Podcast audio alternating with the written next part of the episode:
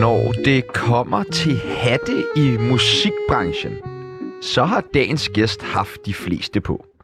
Han har nemlig givet den op som sanger, sangskriver, musikproducer, DJ, rapper, manager og artist. Kunne du følge med, Chano? Ja, det er simpelthen så mange titler. Ja, det må man sige. Det er vildt. I dag er han solist og aktuel med et nyt album allerede på fredag. Han har rappet i en af Danmarks største rapgrupper, Rockers by Choice, og hvis du ikke allerede har gættet, hvem dagens gæst er, jamen så ved du det 100% når du hører det her klip. Vi var på låntid Tak. Jeg ved, det sker en dag Du glider bort fra mig Velkommen til manden, der har opfundet Remy, Chief One. Velkommen til. tak. I dag der skal vi snakke om Chiefs nye album. Vi skal finde ud af, hvor mange damer der egentlig er i musik, og om de overhovedet er ægte. Og så skal vi selvfølgelig beskylde Chief for en masse modbydelige ting. Fedt. Mit navn det er Sebastian Swan, Og mit navn, det er Tjano Pete. og du lytter til Tsunami, forhåbentlig by choice. Hvor er I gode. Mit navn er Mette Frederiksen, og jeg elsker Tsunami.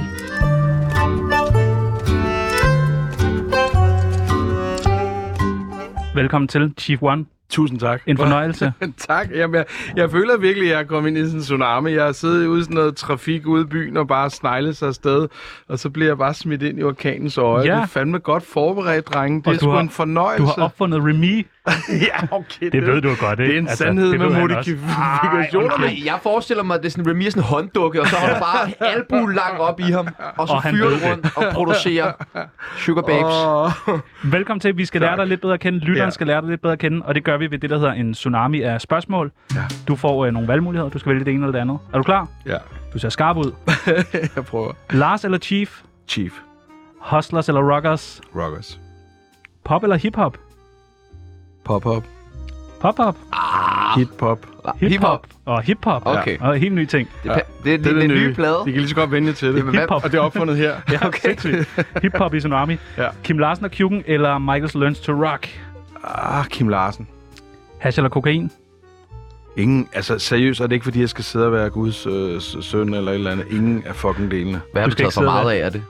Jamen altså prøv at høre, jeg, jeg har aldrig taget coke. Det tør jeg simpelthen ikke. Min hjerne, den er alt for surrealistisk til at overhovedet, der skal komme sådan noget ind. Så bliver jeg sådan en Jim Morrison, der står op på et tag og vil flyve og sådan noget. Has, det har jeg prøvet fire gange. Den ene gang mødte jeg Freddy Krueger. Den anden gang, der var alting firkantet i tre timer. Og den sidste gang, der, der lå jeg simpelthen helt op i, i, der kunne jeg ikke komme ned i min seng. Altså så Da- siden da... så Respekt tænkte- for at blive ved med at prøve. Ja, Ja, men, ligesom det det kan kan noget. Efter at have mødt Freddy Krueger, som jo er en fiktiv uh, Jeg måtte horrorfigur. sidde og rive mig selv til blods, for hver gang jeg faldt i søvn, så mødte jeg ham. Så sad jeg ude på et toilet ude som vi Algaard ude på Amager. Og, men problemet er, at jeg så jo alle mine andre venner, de sad jo og grinede, der havde det pisse fedt, og der var sågar en Face 5, der kunne lave musik og alt muligt. Så jeg tænkte, der, jeg må have gjort et eller andet forkert. Ja, Selvfølgelig. jeg tror faktisk også, den det er der dig, den er haskage. gal med. Ja. Du er fucking dårlig til at ryge has. Jamen, jeg, jeg ved det godt. Skød, Jeg, mand. jeg, måske skal jeg også bare have en eller anden kyndig vejleder, eller, men det, nej. Nick eller Jay? Uh, det er faktisk et pisse godt spørgsmål. Jeg vil faktisk sige og, fordi jeg kan lide dem begge to. Okay. Øh, farver eller sort og hvid? Farver. Pepsi eller cola? Cola.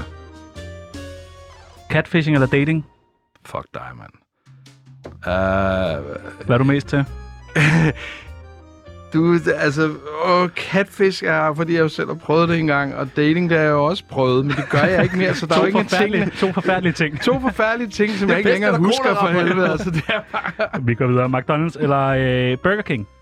Uh, jeg ved, jeg bliver ekskluderet af hiphop-unionen, hvis jeg siger McDonald's, men det gør jeg faktisk, Ja. ja. fordi jeg synes, at Burger King er lidt overvurderet. Det er, fordi det er Enig. bare sådan en gammel whopper hiphop ting Som jeg sagde til alle de gamle hiphopper, prøv at hvis McDonald's havde ligget der før Burger King, så har det været, så har det været en, en Big Mac, vi havde rappet om, i stedet for en whopper. Hører du det, Jazzy H? Willy Jønsson eller Frans Beckerli? Altså nu har jeg jo haft den ære at lave en, en single her for et halvt år siden, hvor jeg havde Michael Hardinger og, og, og, og Willy Jønsson med. Så klart Willy Jønsson. Men jeg mødte faktisk Frans Beckerli i går. Han er altså også en rockstjerne. Er han ovenpå igen efter corona?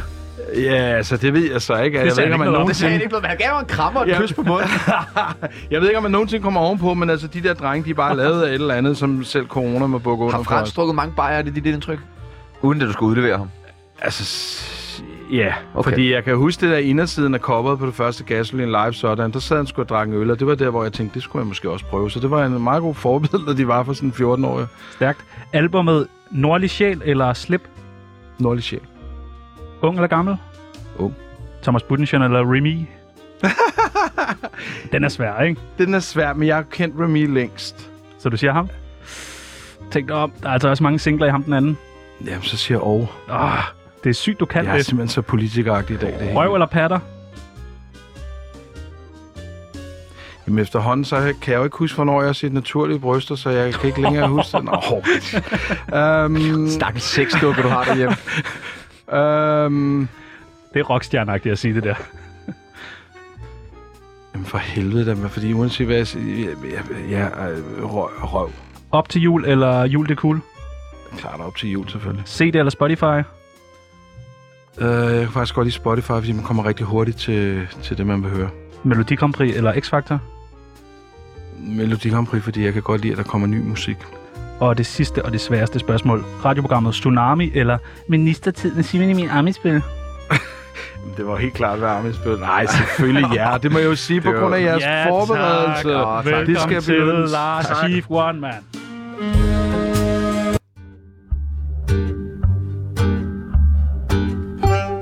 Til Tsunami med Sebastian Jørgensen og Chano Peoples. Er det rigtigt, at du skulle have været en del af Nexus? Altså, jeg var det i starten, ja. Det var jo mig, der ligesom... Jeg, jeg, jeg søgte... Jeg havde en gammel drøm om at være den første, der fandt en pige-rapper. Det var jo så først mange år senere med Tessa, men dengang, jeg tror, det Ja, men står, Natasha, øh, undskyld. Ja, du har ret. Du har fuldstændig ret. Undskyld. Men, men jeg tror måske, Natasha var no name requested og sådan noget der. Jeg, jeg havde mere sådan, at det skulle være sådan en, en, en du ved... Ja, altså en, en solo-person, ikke? Altså, som også var lidt poppet og sådan noget der. Øhm, og det var jeg i gang med at søge, og så havde jeg så John og Jules, de sendte så et uh, kassettebånd med en pige-rapper, og så, så, så så jeg, hende jeg skulle gå op, men jeg kan egentlig godt lide teksterne, og, og, og hvem har skrevet det? Jamen, det er nogen, der hedder Bagmændene, du ved, og det, det, det er Jannik og Niklas der, som vi også laver musik med, og så satte jeg møde op med de fire der, og så endte den der P-rap-ting lidt ud i sporet, fordi de så spillede nogle, nogle demoer for mig, hvor jeg så tænkte, det her, det kræfter mig et eller andet. Og så boede de i mit B-studie i et år, hvor jeg gav dem pizza slices og billig rødvin en gang imellem, fordi de var så meget på røven, og var flere gange ved at give op. Altså stod til flere af de fester, jeg holdt op i studiet, og sagde, prøv, der skal ske noget nu, fordi ellers så må jeg bare fortsætte med at være blikkenslager, sagde Jules. Ikke? Øhm, um, low and behold, lige pludselig skete alt det. Så jeg var faktisk en femtedel, men måtte også bare på et tidspunkt erkende, at den force, jeg havde, var så stærk, så jeg ville ikke kunne... Jeg tror, jeg var fra en anden generation. Jeg var jo ikke, på det tidspunkt var jeg jo ikke, så forstod jeg jo ikke så meget det der. De var jo det der, de sagde med, at du ved, hvide Gucci-skjorter og champagne og, og bling bling. Der var jeg jo nok en anden generation, hvor det handlede lidt mere om, du ved, altså den hip-hop-generation, jeg kom fra, der rappede man ikke så meget materialistiske ting. Så her var ikke ting. en materialistisk ting, eller hvad? Nej, det var, det var det mest materialistiske, vi overhovedet kunne komme på. Det siger jo også alt om den tid, ikke? Men, men jeg tror bare måske faktisk, hvis jeg skal se det helt i sådan en bagklogskabens klare lys, så tror jeg ikke, det havde gavnet, hvis jeg havde fortsat med dem, fordi jeg måske havde forsøgt at ændre deres tekstunivers. Og det var jo lige præcis det, der var det fede ved dem, fordi de kom og gav Jantelovs Danmark sådan en fuck you-ish-agtigt, ikke? Men det var et år, der var fuldstændig fantastisk, og øhm, de lavede hele den første plade, den lavede de øh, meget af det op hos mig i, i gamle dage, ikke?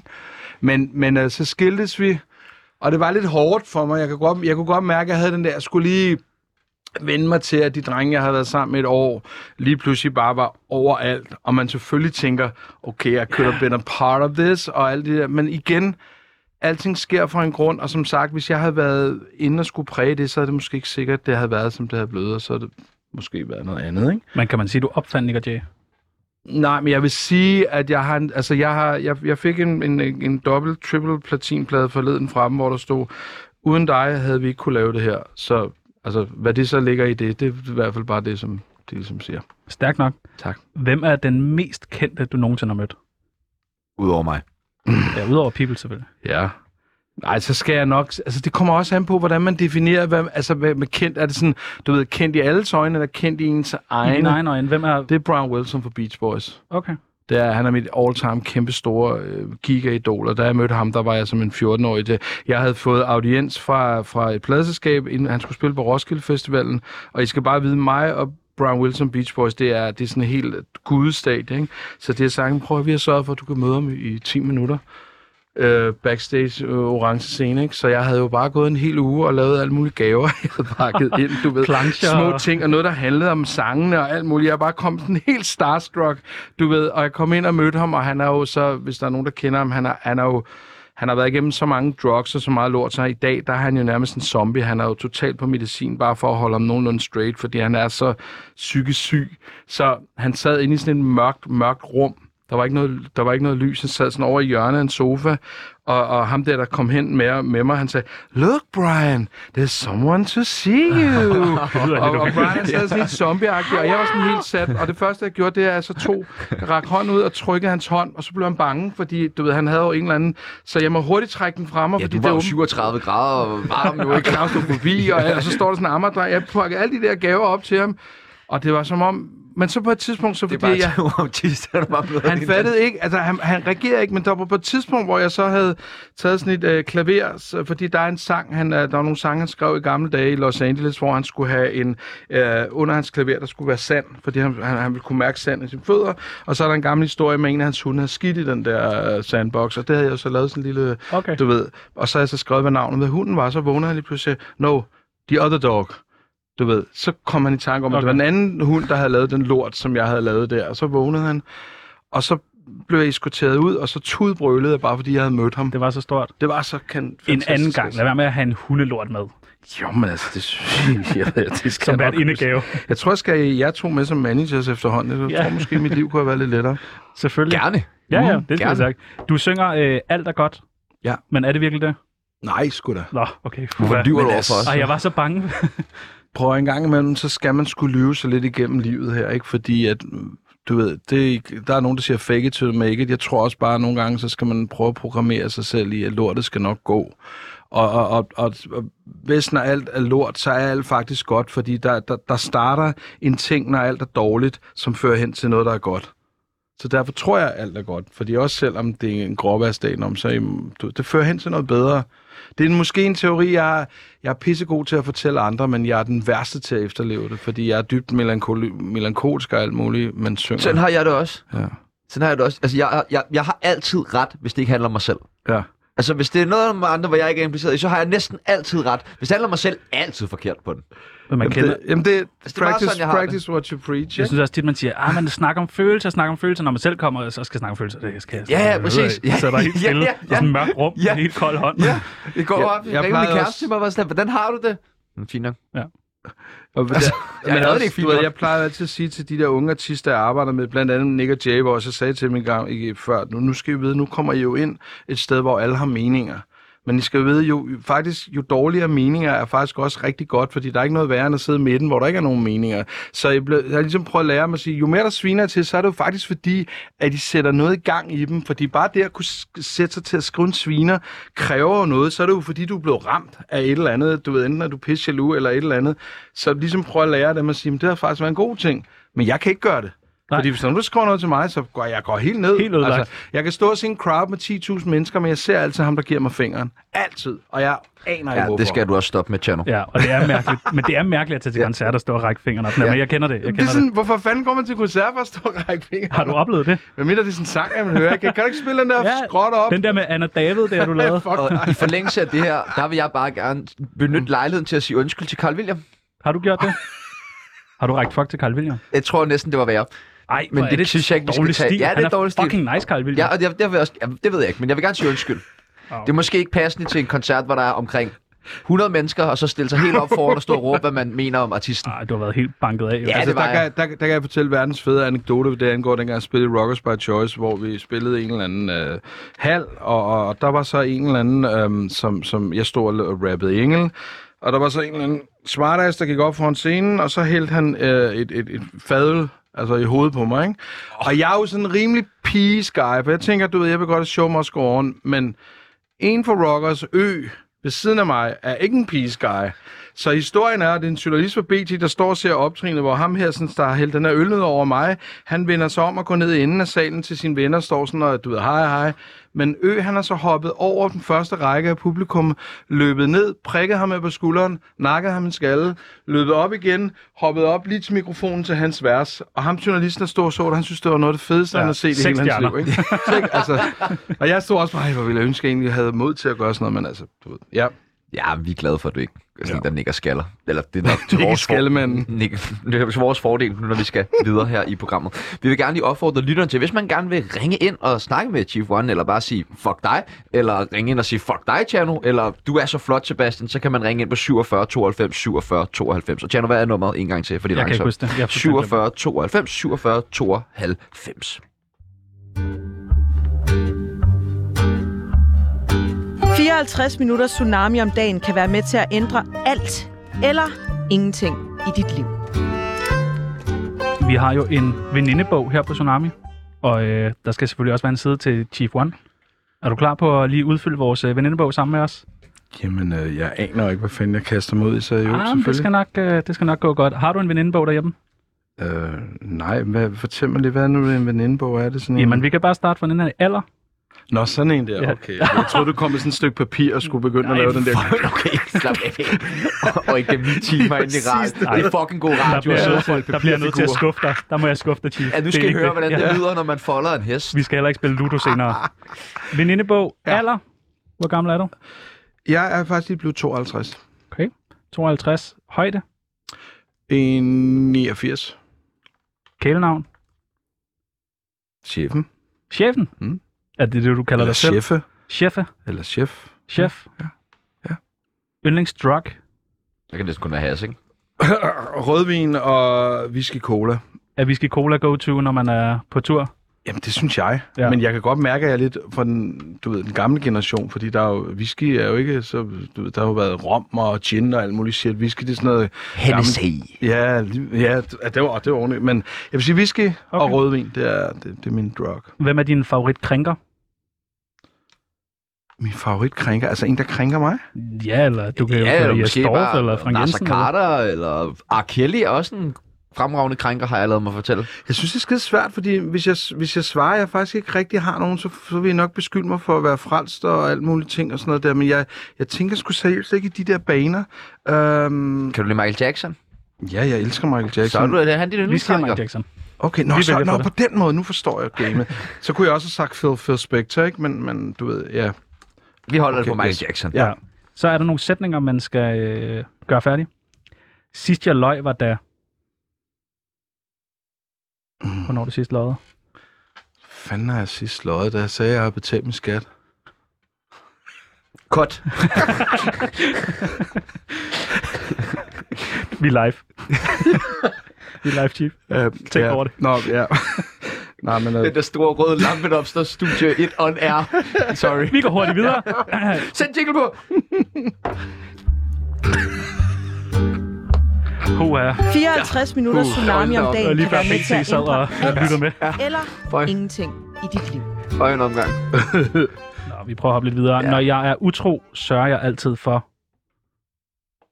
hvad, hvad er det for noget, det her? For helvede. Um, Har du et godt råd til folk, der er utro?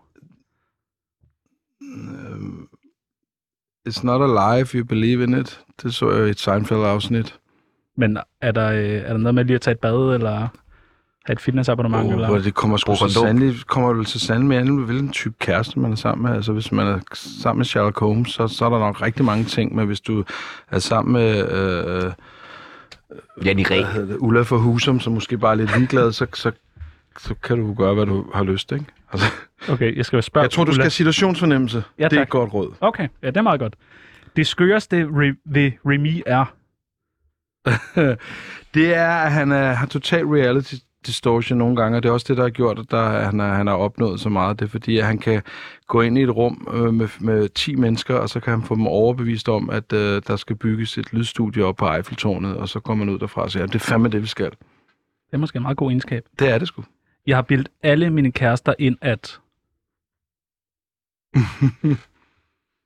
Hvad fanden har jeg egentlig bildet dem ind? Hvad har du gjort for at imponere for dem?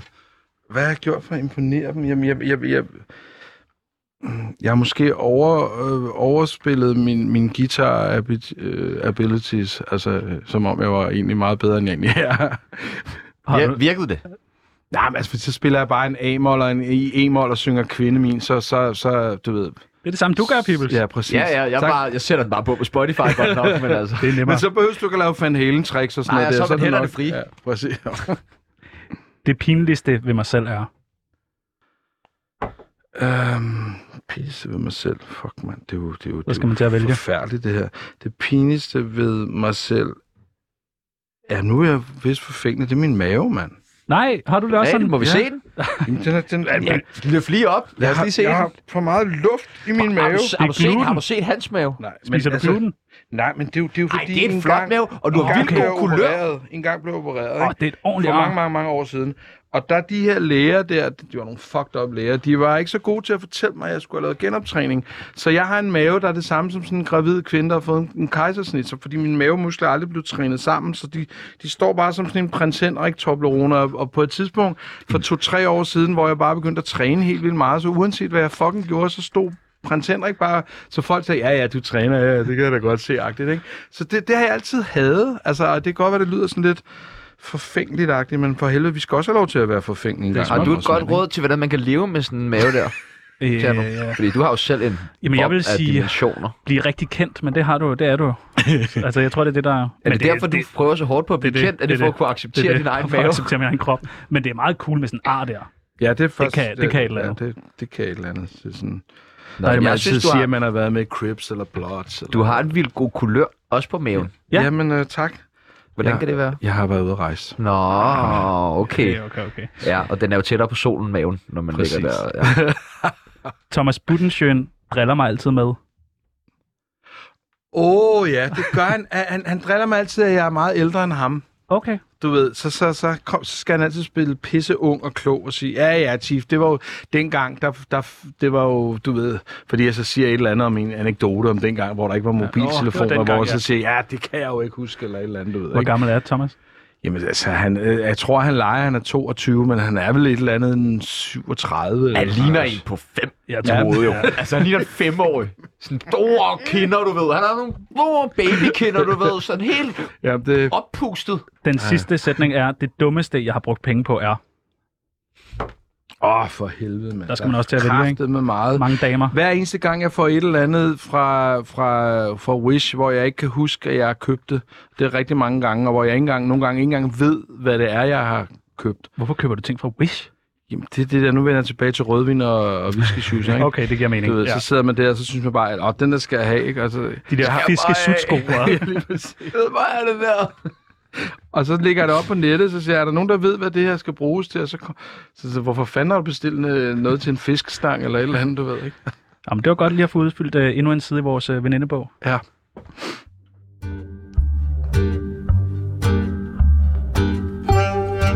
På vegne af Tsunami, undskyld for helvede. tænker vi, at vi skal snakke lidt om musik.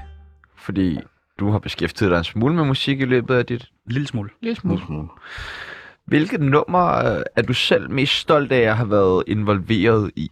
Produceret, lavet selv, rappet, whatever. Men Altså man kan sige, det, er det, der det, er jo ikke, der står ud? det er jo igen det der med succes er relativt, ikke? Altså tænker man sådan personligt, eller du ved, popularitetsmæssigt. Nej, men det, for dig, hvad har du været mest stolt af? Det er jo Faktisk- faktisk, det er meget individuelt. Faktisk alt er godt, fordi at jeg formåede i en pisse sen gammel alder at få et hit øh, med, med noget, hvor man i virkeligheden i den alder burde man jo ikke gå solo. Altså jeg startede som 48 og valgte at gå solo, og det er jo, det er jo ren øh, kamikaze. Det, det, det, det vil jeg selv sige, hvis der kom en og sagde det, så vil jeg sige, det skal du ikke gøre.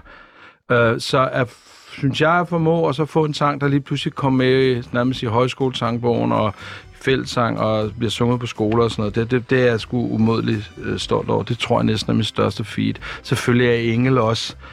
Den ligger også lige der, så, som den første og den sidste, ikke? Alt, Altså. øh, alt er godt, og må også være et nummer, der er blevet spillet allermest på P4. Det er, Ja. sådan, det, er det perfekte P4-nummer. Ja. Og Og der det- må være så mange husmøder derude. som giver den op for øh, Chief. Altså, jeg fik, lige en, øh, jeg fik lige en fra min lydmand i går. Han var lige gået forbi noget seniortræning i øh, Kolding, hvor der stod Zumba. rigtig mange seniorer og, og lavede til alt er godt, ikke?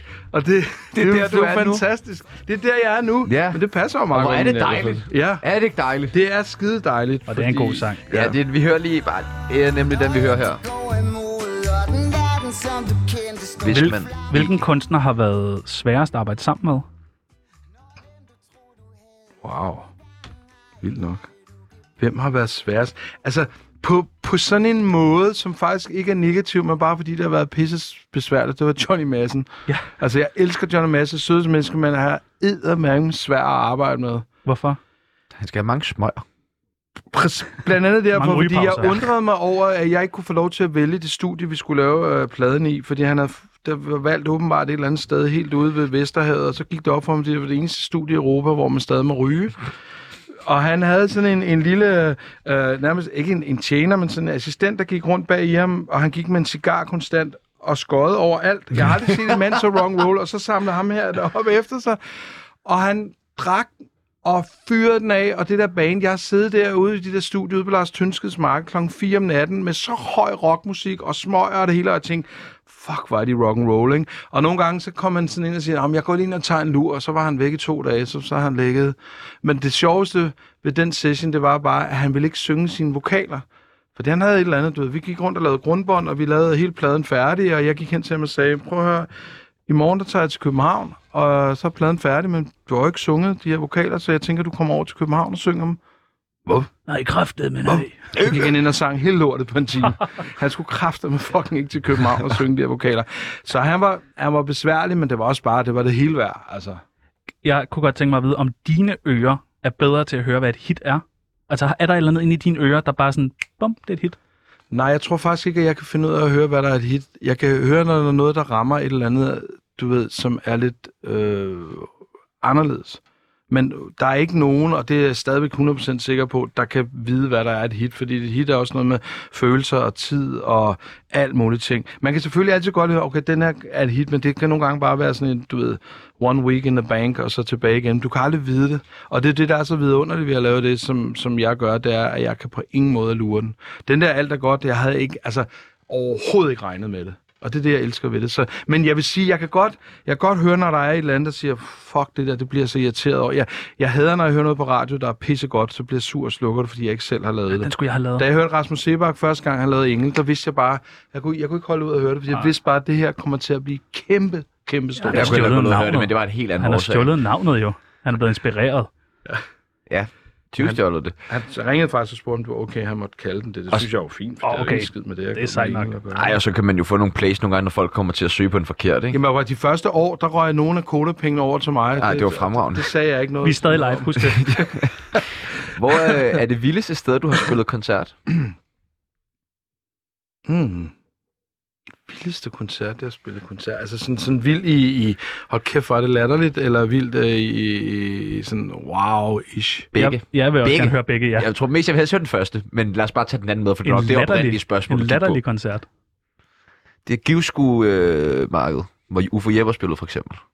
Ja, men det, det er jo sådan, jeg kan huske en gang, øh, hvor jeg var med Sound of Seduction, Remy ting, hvor vi skulle spille, øh, dengang der spillede med 4-5 jobs på en aften, og da vi endte i skive klokken 5 om morgenen, og alle mændene bare stod i en time og råbte fisse, fisse, fisse, altså... Det var en af koncerterne. En anden var med Rockers, hvor det var vores første rapkoncert, vi spillede uden for Amager, hvor vi var til en fest i Stenløse, en privatfest og spillede, hvor alle folk stod præcis 5 cm foran os med, med pegende fingre ind i hovedet og sagde, dårligt, dårligt, dårligt. Så heller fisse, fisse, Ja, fisse. det var lidt bedre, ikke? Men det, det er ligesom de to, jeg kan komme, jeg kan komme i, i, i hu. Dårligt. dårligt. Dårligt, dårligt, fisse, fisse. Det tarveligt? dårligt, Jamen, dårligt. og det, Det bruger vi rigtig meget hver eneste alle- gang. Det var så dårligt, dårligt. Det er det samme, når vi er nede og handle et, Ja. så står folk også bare og peger på Dårligt, dårligt, dårligt, dårligt. Hvad, hvad synes du om... Nu er du en, en rap-legende jo, og det er jo der, du har dine rødder. Det er jo i hiphop-musikken og sådan. Hvad synes du om rap-scenen i dag? I Jeg synes, Danmark? Der, jeg, synes, der, jeg synes, der sker nogle pisse fede ting. Man kan sige, de er jo ikke, de er jo ikke de starter jo ikke ud af samme grund, som vi startede. Vi startede ud, vi, vi anede ikke skid. Der var ikke nogen præcedens. Altså, jeg, jeg fandt jo først ud, at man kunne tjene penge på at lave musik et år efter, da jeg fik min, min, min første kodercheck. Så det var nogle andre, det var en anden drivkraft. Det var i virkeligheden bare at komme ud og spille koncerter, måske score nogle damer, men primært elskede hiphop så meget, at man giver os en scene, så skal vi fucking ud og spille. Hvor man kan sige, måske drivkraften i dag kan godt være måske lidt mere økonomisk baseret, fordi der er jo kommet en helt anden... Jeg plejer at sige, vi var jo ligesom sådan nogle Søren Lerby og Frank Arnesen fodboldspillere, der blev solgt til Ajax for 65.000, hvor i dag, når du er fodboldspiller, så er det en helt anden øh, league, ikke? Så man kan sige, at rapbranchen i dag er jo baseret på noget andet, men jeg synes satme, der foregår nogle spændende ting. Uh, og så så jeg lige et band, hvad fanden var det, de hed, som bare netop havde en sang, hvor de sagde, det er dårligt, hvor de siger, alle de ting, der er dårlige, de spiller Var det faktisk... fabrik? Præcis, Det, ja. elskede det. Ja. Ja. Hvor de bare sagde, alle de ting, der var dårlige, du ved, uh, Johnny Juice og whatever, eller et eller andet der, det var, det var, så, sådan noget har jeg savnet, nogen der i virkeligheden bare turde, fordi branchen er jo i dag med, at, at det, dengang, når vi lavede en plade, så var der jo ikke nogen pladeskaber, der skulle godkende den. De sagde bare, hvornår har I den færdig? Så gik vi i et studie, der var pisse dyrt, og indspillede fuldstændig. Hvis vi ville lave en sang, der handlede om stop den skide bro, Øresundsbroen, så lavede vi det. Men hvor i dag, der er det meget med sådan, ah, skal vi ikke lige passe på, og hvis vi går ud og siger det, og siger det, det. Så endelig kom der et band, som faktisk siger alt det, du ved, man ikke må sige. Ej, der er vel også en gren af rappen, der er begyndt at sige en masse ting, man ikke må sige. Hvad for sådan noget drill rap, der er sådan der med Ja. pistoler og vold Men, men, og... ja, men, men man kan sige, en af, en af de gode ting, som nævnte du Spotify før, lidt ting, en af de gode ting, der er kommet ved, at man ikke efterhånden har brug for et pladeselskab, man kan sætte op på SoundCloud og alle de der ting. Udover at der måske så kommer rigtig meget, det kan måske godt blive lidt too much, men så er der også plads til netop, at der kommer nogen. Jeg ville have elsket dengang med Rockers, hvis man havde haft en mulighed for at udsende det selv. Det havde været fuldstændig fantastisk og magisk at kunne gøre det. Øh, så, så jeg kan godt lide friheden, men der er id og kraft med også meget at, at, at, at, at sortere ud fra, ikke? Altså, også meget lort, ikke? Altså,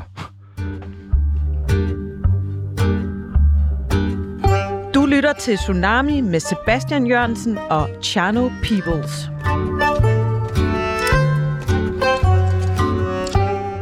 Jeg tror, der er rigtig mange mennesker, der går rundt i deres øh, kedelige, kedelige liv og tænker, hvad fanden vil Chief gøre? Mm. Kender du, tror du ikke det? Jo, det, jeg kender det i ja, hvert fald. ja, jeg kender man står nede i Netto og er ved at tæve en eller anden... det. Øh, Ja, der er en, der er sprunget over, ja, og der er man tænker, flere poser! Og så, hvad vil Chief hvad gøre vil? Chief gøre? Og øh, vi har faktisk øh, taget en lille historie med, Ja. hvor vi skal finde ud af, hvad Chief egentlig vil gøre. Er du klar? oh, ja. Det er tidlig morgen, og Chief har været en lang dag foran sig. Han skal i studiet med Remy for at producere det nye Melodi Grand Prix hit. Han hopper ind i en taxa, og taxichaufføren genkender ham selvfølgelig. Lige da turen er ved at være færdig, vil taxichaufføren gerne lige spille noget af hans eget musik for ham. Hans familie har nemlig fortalt ham, at han synger virkelig godt. Hvad gør Chief? Du har lidt travlt, men Det har jeg altså prøvet rigtig mange gange. ja, Men som regel så er det taxichaufførens datter eller søn, okay. som han skal spille demobånd med. Men det er taxichaufføren det er selv. taxichaufføren Ja, selv. Den er- den- 50-årig. Okay. altså, Du har travlt. Han, han, har, han har et eller andet med hans ene øje, der er lidt en anden farve. Og der tænker du, der er X-Factor. Ja, der du er noget tænker David. Bowie, der er David Bowie det, going det, on det, over ham der. præcis. Jamen, prøv at høre. altså, Jeg, jeg, er, jeg, altså, det lyder helt vanvittigt, men noget af det, jeg elsker mest ved at høre demoer, det er, at jeg aldrig, som regel, så bliver jeg altid efter 5 sekunder, men de 5 sekunder, hvor jeg får lov til at høre 5 sekunder, om jeg ikke ved, om det er den nye Bjarne Liller, eller om det er den nye Ed Sheeran, eller hvad fanden det nu er, det elsker jeg det moment, fordi det er som regel 9 ud af 10, så er det der bare ikke. Men det der, så jeg vil helt klart sige, altså, Rems bliver jo nødt til at vinde, fordi tænk nu, hvis det er det næste, vi skal Ja, ja, det signe. Ikke? Tænk, hvis en syngende taxachauffør vinder Melodi Grand Prix næste år, det er internationalt. Ikke? Det er jo der, vi går ind med, med, de, med de to øjne, du ved. Ikke? Jeg vil gerne lige vide køretaxameteret, mens han skal ja, spille. ja, ja, selvfølgelig. Fordi da, da Chief har hørt et par numre, der vil han gerne hurtigt ud af taxaen. Skal til at betale, men opdager han har glemt punkt. Taxachaufføren siger, at de kan bare lave en byttehandel. De dropper regningen, hvis taxachaufføren må få en dag i studiet med Chief. Hvad gør Chief? Jamen, det, det, der, der finder jeg sgu pengene der. Der, der, der Nej, løber du jeg har op. ikke nogen penge. Jamen, jeg løber op til Rems. Ja, altså, Remy. og Rems går ned og snakker med ham, og så overtaler Rems ham til, at hans taxa, den kan, vi kan lave et kæmpe stort business med sådan en taxa-club. Ah, Uh, ja. Du ved, det bliver det helt nye, hvor folk de klopper i en taxa, og så bliver han glad, og så siger han, hvor det være, det er på mig det her. Fordi Det- at det, det er der det, med at give studietid, der, det, det har jeg gjort for meget. Altså, Ja, okay. Chief kommer lidt for sent op i studiet, og Remy er allerede godt i gang med det nye nummer. Remy spiller det, de har produceret indtil videre, og det lyder virkelig, virkelig hæsligt. Hvad gør Chief? jeg er øhm, øhm, synes, meget, er meget, meget diplomatisk og siger, øhm, jeg kan fandme godt høre noget i det. Vi skal selvfølgelig lige, øh, vi skal lige rette lidt på det. Ja, det er og- virkelig dårligt. Lad mig lige sidde lidt med det. Giv mig lige, giv mig lige, øh, giv mig lige 20 minutter. Kan du ikke gå ud og ringe til Schweiz eller et eller andet? Så, så, så fikser jeg lige det her. Men det er ikke det, Remy gør, for Remy bliver virkelig ked af det og løber ud på toilettet og gemmer sig. Chief prøver at få ham ud, men Remy er en kæmpe diva. Nummeret skal være færdigt senest i morgen, og pludselig ringer Chief telefon. Det er den kendte musikproducer Benny Blanco, der gerne vil have et møde med Chief hurtigst muligt. Han har faktisk allerede bestilt flybilletter. Hvad gør Chief? Så, altså, og, og efterlade grædende Remy, der sidder ude på Og toilettet? det er Benny Blanco, du ved. Los Angeles, kom Og, over. men, men dig og Remy har altså et nummer, I skal være færdige Det skal være færdigt. kæft, mand. Senest i morgen. Men, men, og det er et nummer til Melodi Grand Prix? Ja. Og det, jeg har glædet sig, det, ved, det gør de jo hver år, at uh, du har et nummer med. Du er den første, de ringer Prøv til. ja, Rems ved godt, at når jeg tager til Benny Blanco, og så får åbnet op for en hel masse ting, så som brødre, så hjælper med hinanden, og så får jeg en ud og sparke døren ind et par dage efter, og få åbnet det der toilet og hævet ham ud. og så, og så, så, så får jeg ham op til, til LA der, ikke? Eller, Et par timer senere sidder Chief i flyet på vej mod Los Angeles. Chief tjekker sin mail, og Remy skriver, at han har trukket sig fra projektet. DR og Melodi Grand Prix har skrevet, at de skal have nummeret nu, og de har store forventninger. Og pludselig tækker endnu en mail ind. Det er taxachaufføren var tidligere, der har sendt ham endnu et af hans eget nummer, der hedder Love is all what love is, because love is love. Og det er faktisk måske en god redning. Hvad gør Chief? og det var den vildeste Grand Prix titel, fordi den er så sand, det der. Alle sange hedder sådan noget der. Jamen, jeg skal jo slå to fluer med et smæk på en eller anden måde her. Jeg, skal, jeg skal Ja. jo få taxichaufføren sammen med Benny Blanco i en duet, og så skal den hedde Two Eyes, skal bandet hedde. øhm, og, så, og så skal de jo så skal de have, have rims på sådan noget toiletkor noget. Så jeg tror på en eller anden måde, så formår jeg at, at diplomatisere mig ud af det. Og så bliver det et hit og vinder. Men jeg kan mærke på dig, at du har en forudsætning. Der er mere. Chief lander i øh, LA Lufthavn og bliver hentet i en stor limo.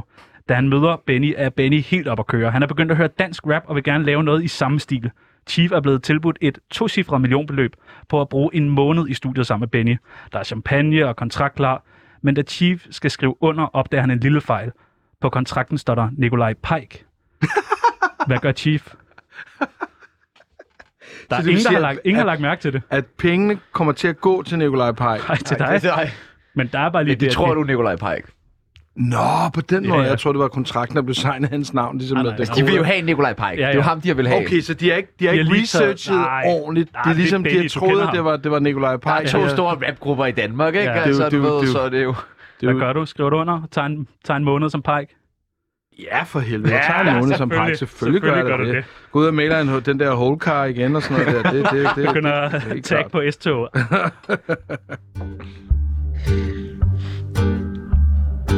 54 minutter tsunami om dagen kan være med til at ændre alt eller ingenting i dit liv. Du mødte jo en kvinde online. Prøv, jeg vil bare sige, I er fuldstændig cool, sgu. Nej, det er vi ikke. skal jeg komme videre med mit liv herfra? Jeg kan ikke lave et normalt interview Nej, bagefter. nej, det kan Jeg du kommer ikke. til at sidde som sådan et Og kede dig. traume i mig, du. Nej, du kommer til at jeg vil kede sidde dig og svare på de mest mærkelige måder nu for fremtiden. Hvis du skal til Jørgen Mylius skal interviewe mig bagefter, det vil være helt... Nå, hvad? Undskyld, Carmen. Det skal du ikke... Uh... Du mødte en kvinde online, som ikke var helt hende, som du troede var. Vil du ikke fortælle om det? Øj, altså, og, og, og, og, hvordan skal man gøre det i jeres forum, ikke? Fordi at, at man ved bare, der ligger et eller andet på selv. lur. Nej, det Nej, gør, det gør der- det gør der Lige den her gør der Ja, faktisk der er ikke. Der er bare vi bare nysgerrige. Vi tænker, det er sjovt nok i sig selv, nemlig. Ærligt, øh, jeg har alle sammen, og det har jeg med 100.000 procent chance, eller øh, garanti, lavet og været nogle ting i jeres liv, hvor jeg tænkte, "Hvorfor- var det mig? Hvorfor fanden var jeg så naiv? Du ved, fordi Daglig der er, basis, hvad kan man sige. på det her tidspunkt, som jo så er i hvert fald 5-6 år siden, der havde jeg lige gået ud af en skilsmisse fra igennem 23 år, hvor jeg i virkeligheden havde været i en, i en fin og tryg hule. Øh, jeg jeg øh, bliver skilt, ryger ind i en depression, og det der med, at man bliver skilt, og man så ryger ud i det, der hedder, i det liv, man så kommer ud til, som jo lidt er, man har siddet i en eller anden ikke, ej, ikke et fængsel, jeg kan forstå på den måde. Man kommer ud, og så er der Tinder, så er der Facebook, og så er der alle de her ting, og man jo fatter overhovedet ikke en skid af det overhovedet. Ved? Jeg kan huske, første gang jeg gik på Tinder, jeg var der i kvarter og blev helt bange, fordi du så min brors ekskæreste og alt muligt. Jeg tænkte, nej, det, det, det er for sindssygt. Men jeg kommer så ind og begynder på Facebook og alle de der ting, og lige pludselig så uh, lægger jeg mærke til, at der er en eller anden en, en pige, der skriver noget, og hun har nogle rigtig uh, flotte uh, profilbilleder. og hver gang hun skriver noget, så går der et brøl i internettet af alle alfahander, der bare kaster sig over og liker over det, fordi hun, hun er så intelligent, at kan skrive noget, der får en mere mand til at bare sige, det er fandme genialt, eller For eksempel, sjovt hvad kunne hun humor. skrive? Jamen, altså, det, det kan jeg ikke engang sige her, og jeg har fortrængt meget af det også. Men jeg vil bare sige, jeg var ikke den eneste, nu havde jeg brugt ordet kendt, men, men jeg var ikke den eneste. Der var øh, politikere, der var musikere. Du skal ikke undskylde noget her. Nej, men- Vi er men- bare nysgerrige. Det, der så sker, det er, at jeg langsomt finder ud af, at hun skriver nogle ting, der går lige ind og rammer, og jeg er i, som sagt i et sted, hvor jeg ikke længere har nogen intuition. Min mavefornemmelse er væk, min radar, min kompas, alt er ude, fordi jeg er øh, inde i en depression og skilsmisse og skam og skyld og en søn og alt det, alt det her lort. Så hun formår på en eller anden måde at skrive de her ting, og vi begynder at snakke sammen i telefon hver dag. Nærmest to timer over en måned eller to. Og, Hvad hedder øhm, den her person, som du skriver om? Helena Jansson. Så der er, en, der er en, en rigtig kvinde, altså der er en, en på den anden En side. stemme. Okay. Og det sjove er, at første gang jeg snakker med hende, der, der, fordi jeg jo arbejdet med stemmer hele mit liv, så jeg kan godt høre, der er en lille smule af min intuition, der lige er i gang i en halv time, som siger, den her stemmelyd passer ikke med de der billeder, fordi det her, det lyder som en, der er mørkhåret, måske overvægtig eller et eller andet, men det, det, kan, det, det er ligesom, den lukker den af, fordi jeg er derude, du ved, så vi Men, fortsætter. du, men du, og, det var en kvindestemme, ja, ja, det er du sikker på. men det var, det var en mørkere end, end det var, det var, mand. Nå, men det, det, det var det ikke. Altså 100 procent. Og vi, vi snakker, og hun fortæller, og, og du ved, ja, hvad fanden skal jeg sige det på en eller anden måde? Fordi i dag kan jeg jo godt sige, hvor fanden har du egentlig været så naiv? Men på den anden side tror jeg også, at det var en del af den proces, jeg skulle igennem. Fordi en af de eneste positive ting, hun gjorde, det var, at hun opildede mig til at fortsætte med at lave min egen musik. Og på det tidspunkt var jeg meget alene, og det var det eneste menneske, der ligesom troede på det. Så det er det eneste gode, jeg har fundet ud af det. Men summa summarum, på et tidspunkt efter to måneder, hun blev ved med at sige, hvor jeg siger, skal vi ikke snart mødes? Nej, det vil hun ikke, fordi hun må godt være sikker på, at jeg er ude af alt muligt, og fri, og alle de der ting og sådan noget. Øhm, og hun kommer hele tiden med undskyldninger, og nogle Ser gange... du videoer og billeder af hende og sådan noget? Der, det, sender hun videoer og hun, billeder? ja, og sådan nej, hun, har, hun, hun sender kun de der få profilbilleder, Okay. som alle er helt vilde med Ja. og sådan noget der, ikke? Og så, øhm, så, så, så nogle gange så lukker hun mig ude, du ved, fordi jeg, hun, jeg har jo kun hendes nummer, hun, eller du ved, eller hun har kun mit nummer. Og nogle gange så lukker hun mig så ude i et stykke tid, og jeg er på det tidspunkt både blevet jaloux og vanvittig og crazy og alt muligt, og skriver til hendes veninde, som så senere finder ud af hende også, ikke? Så hendes profil er også hendes veninde, og alle hendes veninder omkring hende er også hende. Øh, og senere snakker jeg med nogen, der har været igennem det samme, hvor de siger, at på et tidspunkt har hun løjet, at hun havde kræft, hvor så en, en læge fra Rigshospitalet, som også var hende, en mand, som hun har lavet profil, havde sagt, at verificeret det og sådan noget. Ikke? Så vi snakker om en helt crazy øh, person, og på et tidspunkt, jeg, jeg ved ikke hvorfor, men der er på et tidspunkt, hvor jeg langsomt begynder at få fodfæste i mit liv igen, og begynder at tænke normalt og komme tilbage. Så lige pludselig går det bare op for mig, der er et eller andet galt her. Og så finder jeg ud af, at hun er jo ikke overlæge inde på Herlev eller på Rigshospitalet. Hun har ikke en bror, der bor derovre, fordi ham ringer jeg til. Og du ved, jeg ringer til nogle af de musikere og politikere og alle mulige andre, som har haft gang i, de siger alle sammen, det er underligt, du siger det, fordi hun kom jo aldrig, når vi havde aftalt. Der var altid et eller andet, hun havde brækket ben eller forstuet, eller whatever, der er et eller andet, du ved, ikke? Og hvad fik hun ud af det? Jeg aner det ikke. Så altså, du har ikke sendt de mange jeg, jeg tror, det må have været... Nej, der var ikke noget Sendte med økonomi. Det var kontrol, niks. Kontrol, manipulation, og fordi hun måske var lidt fascineret af nogen, der var ikke, du ved, bruger jeg ordet igen, kendte-agtigt. Fordi det var en masse af dem, ikke? Um, så jeg tror simpelthen, at hun havde, altså, det var, det, det var så som sagt, hun havde 10 profiler eller sådan noget, så det må have været et kæmpe arbejde at sidde og logge ud og logge ind og skrive, og skrive om sig selv. Veninderne siger, var du bare sej, at du er fandme smuk og alt muligt om sig selv, ikke? Altså, Det lyder helt uoverskueligt. Jeg og synes, det, havde er hårdt at passe og jeg, egen jeg kommer jo bare fra sådan en verden, hvor man skrev, du ved, PS eller K, skal vi komme sammen, du ved ikke, da jeg var yngre, lige pludselig kommer ind i det der. Så da jeg så fandt ud af det, så stod jeg med sådan en fornemmelse, hvor jeg egentlig ikke vidste, jeg, jeg, jeg var jo ikke ked af det, fordi det var jo et menneske, jeg egentlig ikke kendte, så jeg var jo ikke noget at være ked af det eller græde over. Det var ikke ligesom et, en, der var gået bort eller sådan noget. Så jeg stod bare med sådan en kæmpe stor spørgsmålstegn, og sagde, hvordan kan et menneske gøre det? Og jeg så ringede, så kom jeg så i kontakt med hende og konfronterede hende med det og sagde, hvor fanden har du gang i, mand? Nu har du fuldstændig, du har altså, kørt mig fuldstændig ned. Hvad og siger hun her til ting. Så siger hun, jamen det er jo fordi, at jeg har været med i sådan et, øh, et, øh, et øh, projekt på Aarhus Universitet om, øh, hvor nemt det er for mænd at, at, at, at lokke mænd. Det var så hendes undskyldning. Det var jo selvfølgelig ikke sandt, fordi hun Endnu var jo ikke løgn. på Aarhus. Det var løgn på en løgn. Så, du hedder jo ikke engang det der. Og det, altså, det var, til sidst måtte jeg bare, eller så, mm. så gik det så ud i sandet, og så har jeg så, udover at jeg har skrevet en sang om det, så har jeg så bare ligesom langsomt bare...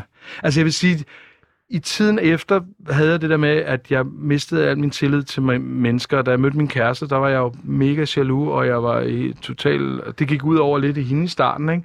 Hun var et normalt menneske, men jeg havde det der, fordi jeg havde fået knust min, øh, min tillid til andre mennesker, ikke? Og det var egentlig det værste, fordi det skal jo ikke gå ud over andre mennesker, at der er nogle folk, der er fucked op.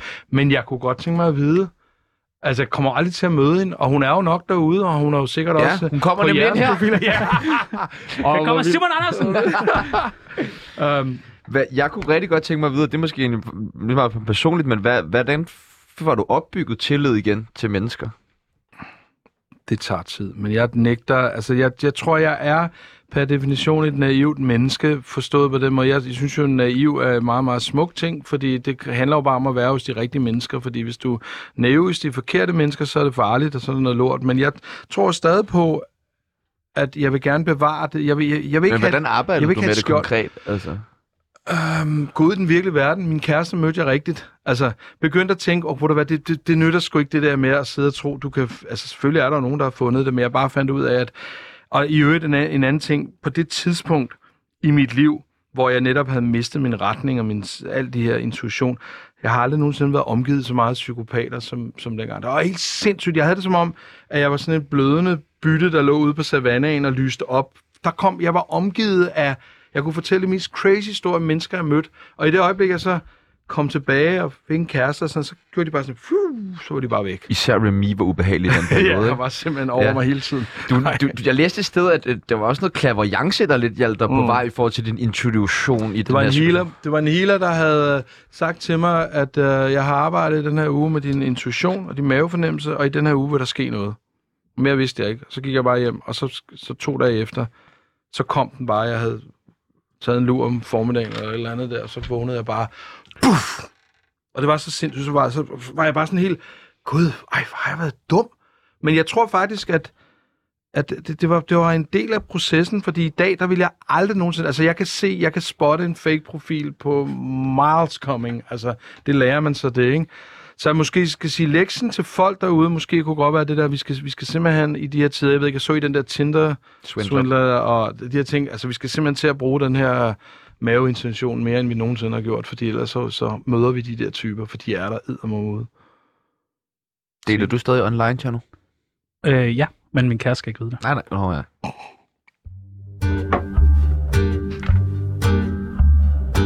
54 minutter tsunami om dagen kan være med til at ændre alt eller ingenting i dit liv. Du har jo lavet en masse numre, og vi kunne godt lige øh, her til sidst prøve at finde ud af, om du egentlig ved, hvad du selv har lavet.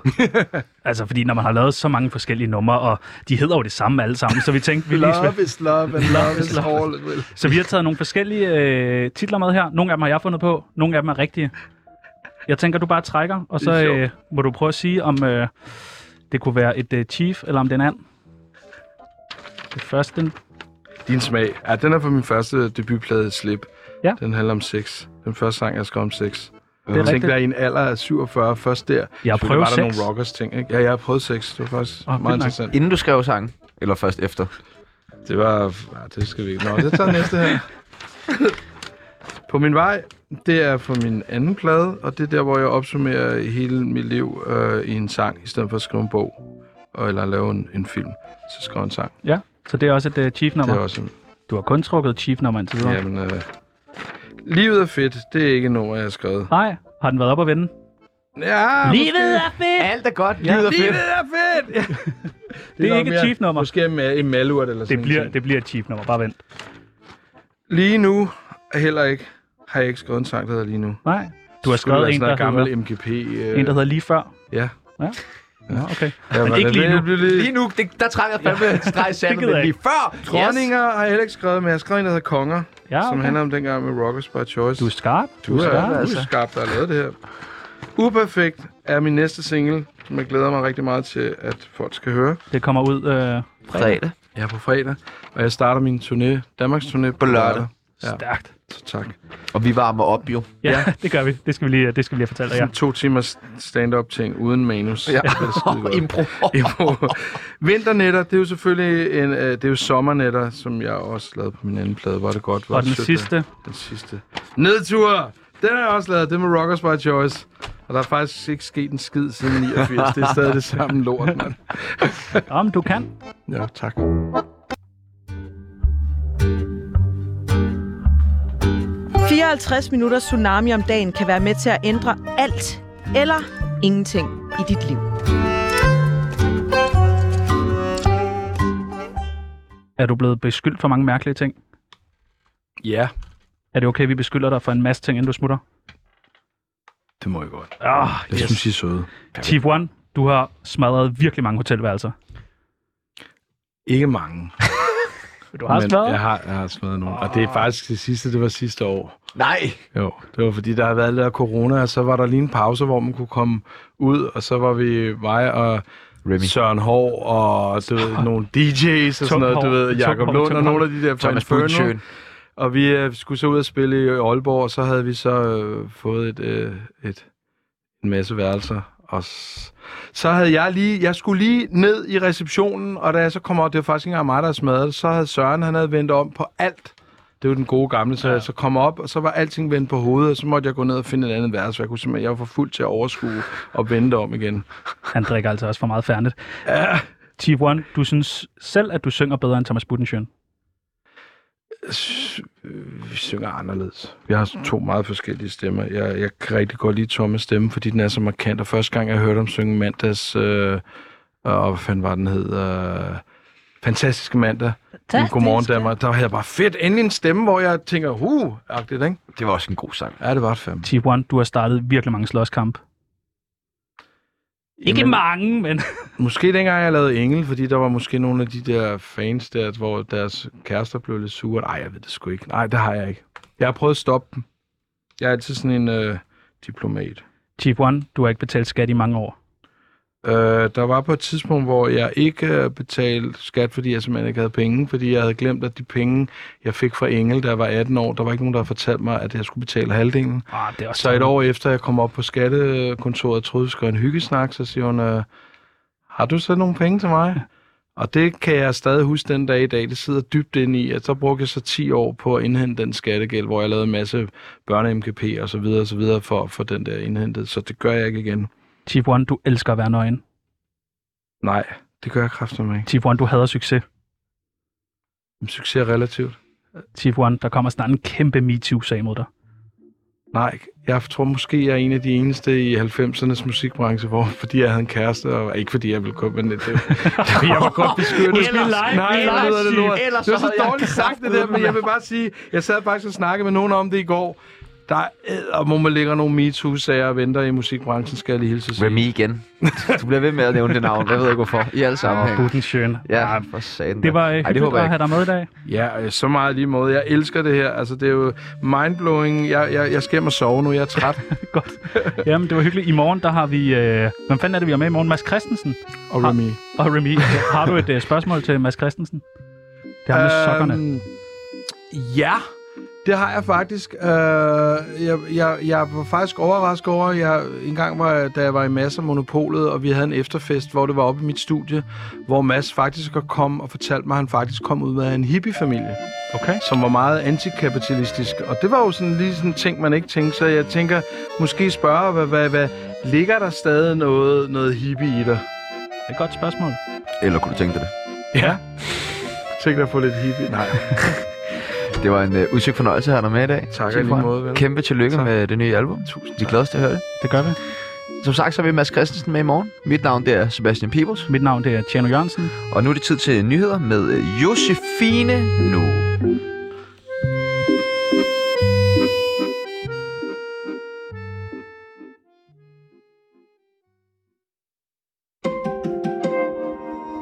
lytter til